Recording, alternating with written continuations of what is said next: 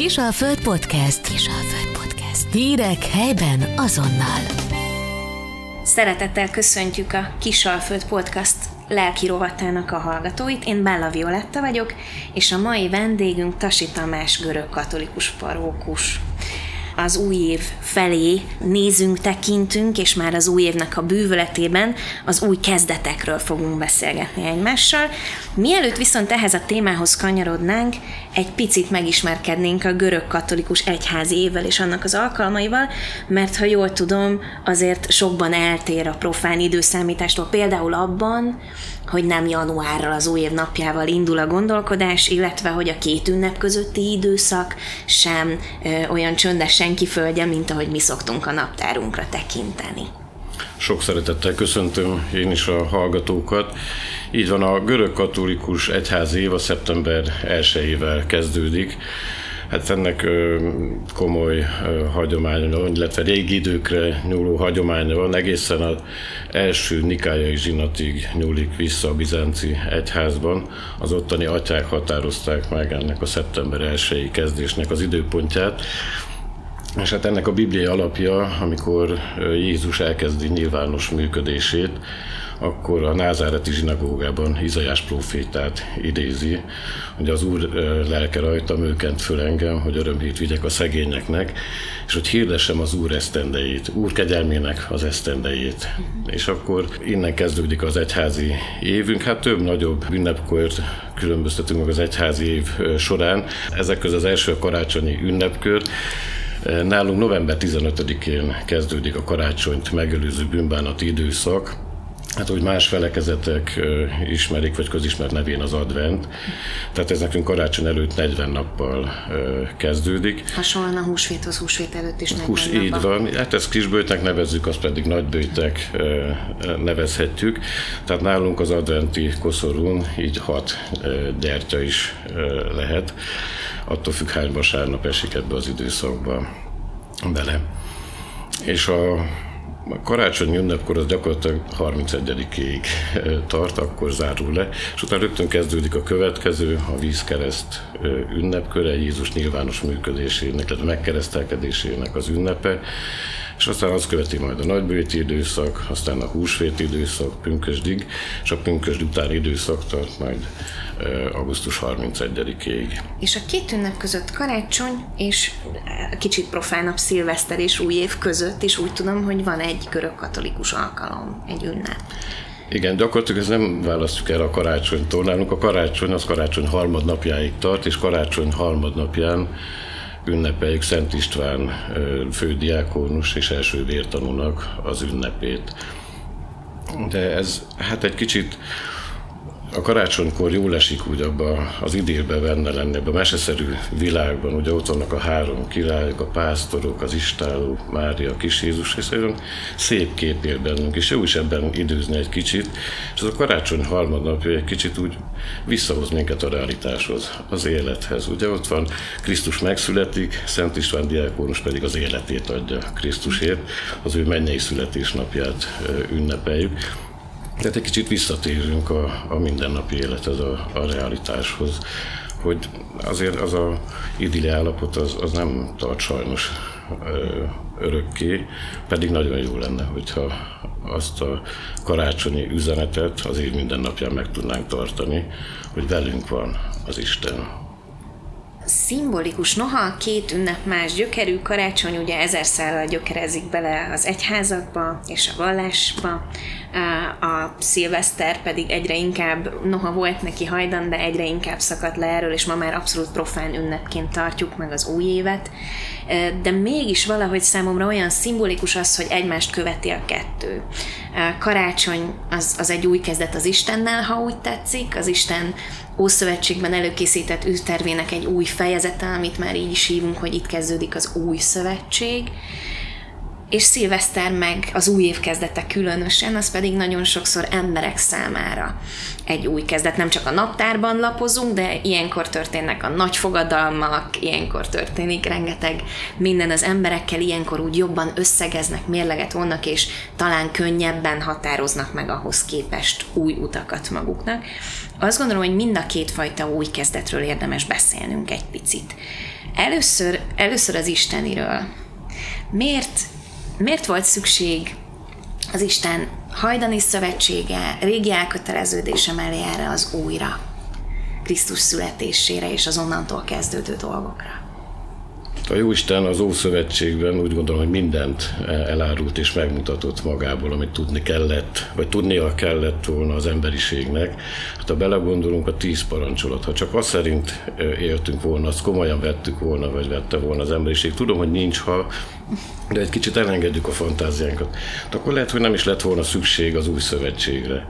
Tehát akkor megismerte volna az emberiség a jó Istent, amit szeretett volna magáról közölni, szerette volna megmutatni magát. De hát nem ez történt, ezt, ezt tudjuk. És a Isten annyira szeret minket, és annyira félreismeri, mai napig az emberiség egyébként, vagy az ember többsége eh, szerintem a jó Isten, és hogy ő megmutatta magát, hogy, hogy itt vagyok, hogy veletek vagyok, hogy én veletek akarok lenni, én szeretlek benneteket. És hát ezért küldte el egy szülött fiát. Hát nem volt már, mondhatnám azt, hogy más választása. Már annyi, mint küldött profétákat, adta a tíz parancsolatot.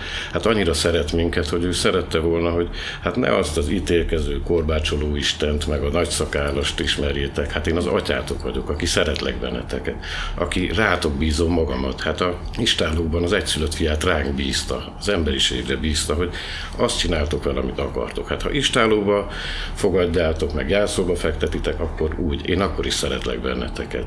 És így kínálja az Isten magát nekünk is mai napig, hogy veled vagyok, veletek akarok lenni. Hát ez az új szövetség szerintem, és e, nem szüntette meg az Ószövetséget, nem mondta egy szóval sem, Jézus sem, hogy ennek vége. Érdekes, hogy nekünk január 1 ami szintén ünnep azért egyházi szempontból is, Jézus Krisztus körülmetélésének az ünnepe. Tehát a szülei nyolcad napra elvitték Jézust, és körülmetélték. Tehát az ószövetségi hagyományoknak megfelelően a törvényi előírásokat betartva.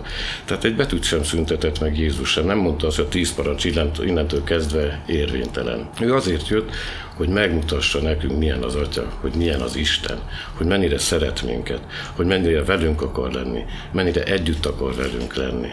Hát szerintem ez az új szövetség, vagy ezért van, és ezt meg is tette Jézus.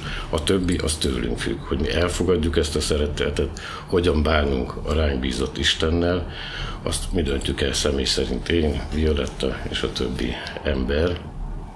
A jogunk van ahhoz is, hogy ugye jönnek utána a gyermekgyilkos, Herodes gyilkos katonái, a betlehemi gyermekgyilkosság, jogunk van nekünk is, hogy ha úgy akarjuk, megkísérhetjük megölni azt a gyermeket, vagy akár megölni az Istent, hogy nekünk nincs szükségünk rá. Teljesen ezt ránk bízta a jó Isten. Ezt mi döntjük el, hogy hogyan viszonyulunk hozzá, és hogyan bánunk vele. Talán az egy közkeletű tévhit, itt olyan erős szavaknak hangzottak ezek, hogy megölni a gyermeket, vagy megölni az Istent. Azt hiszem, hogy az egy ilyen közkeletű tévhit, hogy lehet ezekben a témákban valamiféle semlegességet, vagy elnapolást gyakorolni, hogy hát igen, majd, majd egyszer szembesülök ezzel az Isten kérdéssel, vagy tudom, hogy, hogy kéne vele foglalkozni, de hogy én most ebben nem foglalok állást. És mégis ez, mégis ez egyet jelent egy elutasítással, ezt lehet ilyen erősen fogalmazni? Hát ha én, én szeretek valakit, tehát megismerek valakit, szeretek valakit, egy kapcsolatba kerülök vele. Akár mondhatnám, hogy jó lenne, ha Jóisten is bizalmi kapcsolatba tudnánk kerülni. Tehát akkor ővel nem lehetek közömbös. Tehát akit, akit nem ismerek, de akkor nem akarom. Tehát ezt mondtam, hogy a Jóisten ránk bízta magát. Tehát ő felajánlott nekünk mindent, amit tehetett. Hát ha, ha kényszeríten, akkor robotok lennénk, akkor, akkor beprogramozott, nem tudom, gépek lennénk. Neki nem ez kell, ő a saját képére teremtett minket. Ő azt szeretné, ha a partnerei lennénk ebben a szeretet kapcsolatban. Hát az csak úgy lehet, hogy igyekszem megismerni, és mélyíteni ezt a kapcsolatot, fejlődni ebben a kapcsolatban. Szerintem egy, egy házasságban például, hogyha azt mondhatom, hogy azt merem mondani én legalábbis, hogy hát most a csúcson vagyok, most minden tökéletes, és nem akarok fejlődni, hogy alakuljon ez a kapcsolat, hát el fog laposodni, silányodni, és akár vállás is lehet belőle. Tehát ugyanígy az Istennel való kapcsolatom is el tud, ha nem foglalkozok vele, nem ápolom, nem mélyítem, akkor el tud laposodni, és akár vállás is lehet belőle, hogy innentől kezdve engem nem érdekel az Isten, mert nem ismertem meg őt, nem, nem ápoltam ezt a kapcsolatot. Van, aki nem került kapcsolatba, nem tudod, hogy nem lehet az jó Istennel kapcsolatba kerülni, Ez természetesen jogunkban áll, hogy nem foglalkozunk vele, és megtehetjük. A szabadsággal. A Jóisten végtelenül tiszteli az ember szabadságát, minden ember szabadságát, az enyémet is, és bármikor elutasíthatom, bármikor kereshetem őt. Ez tőlem függ, meg tőle, mindenkitől. Az emberek is sokszor úgy tekintenek maguk elé az új évre, mint egy tiszta lapra és talán ezért is ehhez az új évhez kapcsolódik rengeteg fogadalmunk. Most fogok lefogyni, most fogok kapcsolatokat esetleg, ha már említettük őket, újra feléleszteni, vagy jobban ápolni, nagy elhatározások vannak, eddig nem sportoltam, most fogok, megtanulok valami, új nyelvet, új hangszert, ki tudja micsodát. Van-e értelme ezeknek a fogadalmaknak, és, és vajon miért van ott az emberekben a vágy, vagy, vagy miért van szükségünk akár új kezdésekre, új lendületekre? Nem szeretnék vitatkozni itt az újrakezdéssel kapcsolatban. Hát én nem hiszek az újrakezdésben, hogy most újra kell kezdenem, folytatnom kell az életemet. Az nem mindegy, hogy hogyan folytatom az életemet. És azt szerintem teljesen természetes, hogyha év végén készítünk egy, egy leltárt magunkról. Tehát ahogy a boltok elkészítik a nagy évvégi leltárukat, saját magam, saját életemet megvizsgálva visszanézek, hogy a múltban mi volt az, ami jól sikerült, amiben fejlődtem, növekedtem, és mi volt az, ahol stagnáltam, esetleg visszafejlődtem, mi az, amin változtatni kell.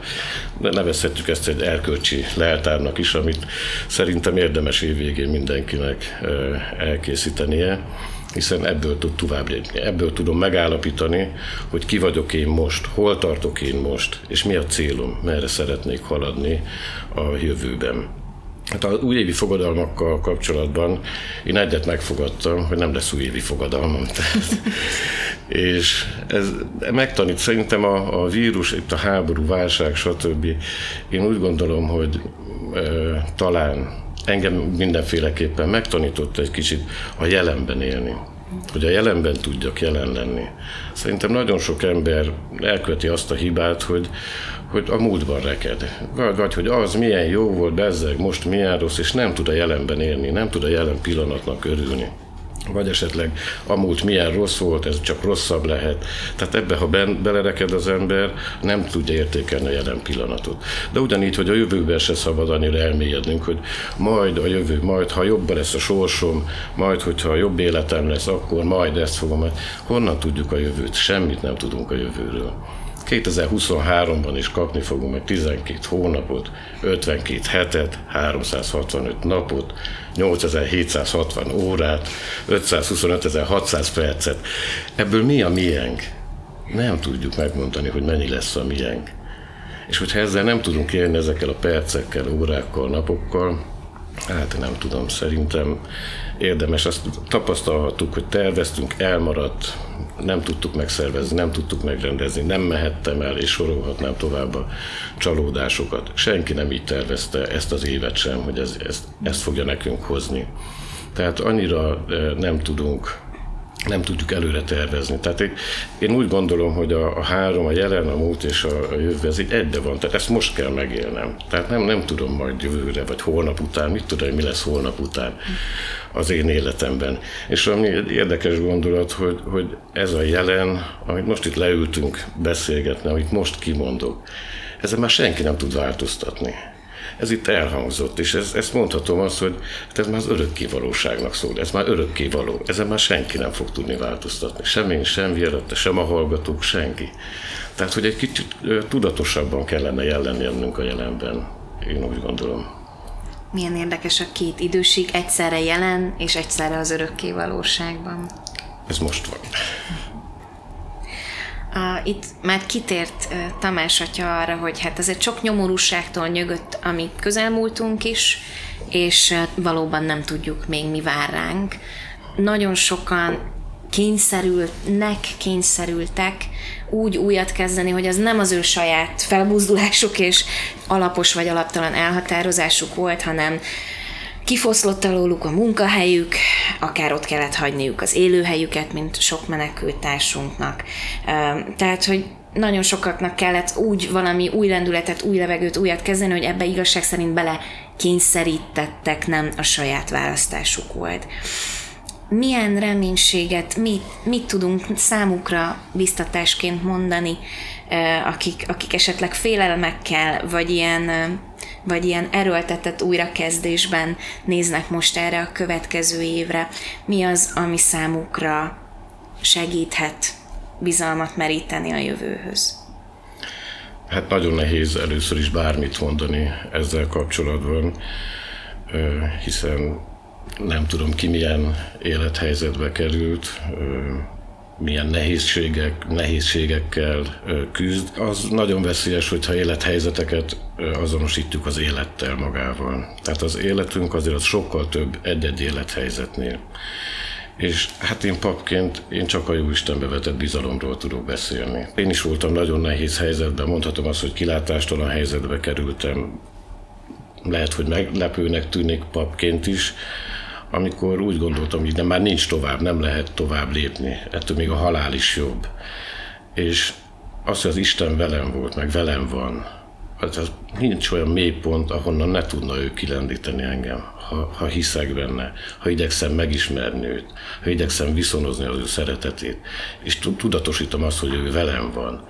Nem fog megoldani semmit helyettem, nem fog majd január 1 munkát adni nekem, ötös lottót adni, nem fog pénzt küldeni, semmit nem fog megcsinálni helyettem, de velem van. Ott van a nehézségek közepette is, és ez nagyon nagy erőt tud adni mindenki számára szerintem. Nagyon sok minden jött témába közöttünk, hogy az Úristen miért érezte úgy, hogy még mindig újat akar kezdeni velünk, akár Jézus Krisztussal is akkor, amikor megszületett, akár napról napra, és beszéltünk arról, hogy az emberek hogyan próbálnak, vagy néha nem próbálnak újat kezdeni.